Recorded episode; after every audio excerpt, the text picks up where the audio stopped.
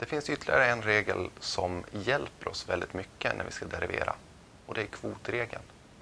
En kvot det är när jag har två tal delat med varandra. Och kvotregeln den är egentligen ett specialfall av produktregeln. För alla kvoter kan jag skriva som ett tal gånger ett genom det andra talet. Då har jag en, en eh, produkt i alla fall. Men i sådana fall skulle jag behöva använda kedjeregeln en gång på den här ett genom. Vilket gör det mycket svårare, så därför använder vi kvotregeln. Så om jag har en funktion som är beroende av u av x som täljare och v av x som nämnare så kan jag använda kvotregeln. Och den ser ut på så här sätt f' av x är lika med, och nu jämfört med produktregeln är det viktigt vilken som kommer först. Så det vi har det är att vi deriverar alltid det som står i täljaren först. Så u' av x gånger v av x. Sen ska jag inte ta plus den andra, utan jag måste ta minus.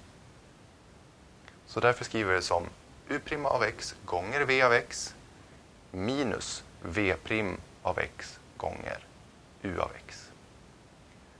Men jag är inte färdig där heller, för jag hade en kvot. Så därför måste jag ha en nämnare i slutändan också. Och nämnaren kommer att kvadreras. Så därför står det v av x i kvadrat. Precis som vi hade på produktregeln så är det onödigt att skriva ut de här av x av x av x hela tiden.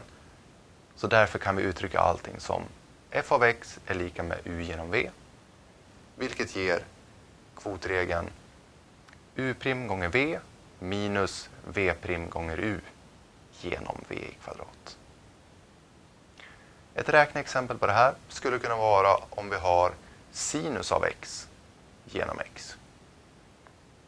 Det är alltså sinus av x som är vårt u och x som är vårt v. Så när jag använder kvotregeln och skriver i det här då kommer jag att först derivera sinus av x som blir cosinus av x och sen multiplicera med nämnaren som var x.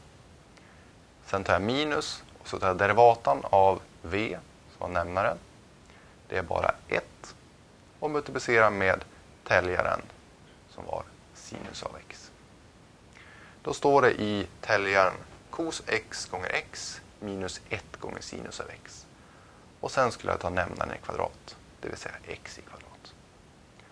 Förenklat kommer jag då att kunna skriva allting som x gånger cos av x minus sinus av x genom x i kvadrat. Och nu har jag använt kvotregeln för det här.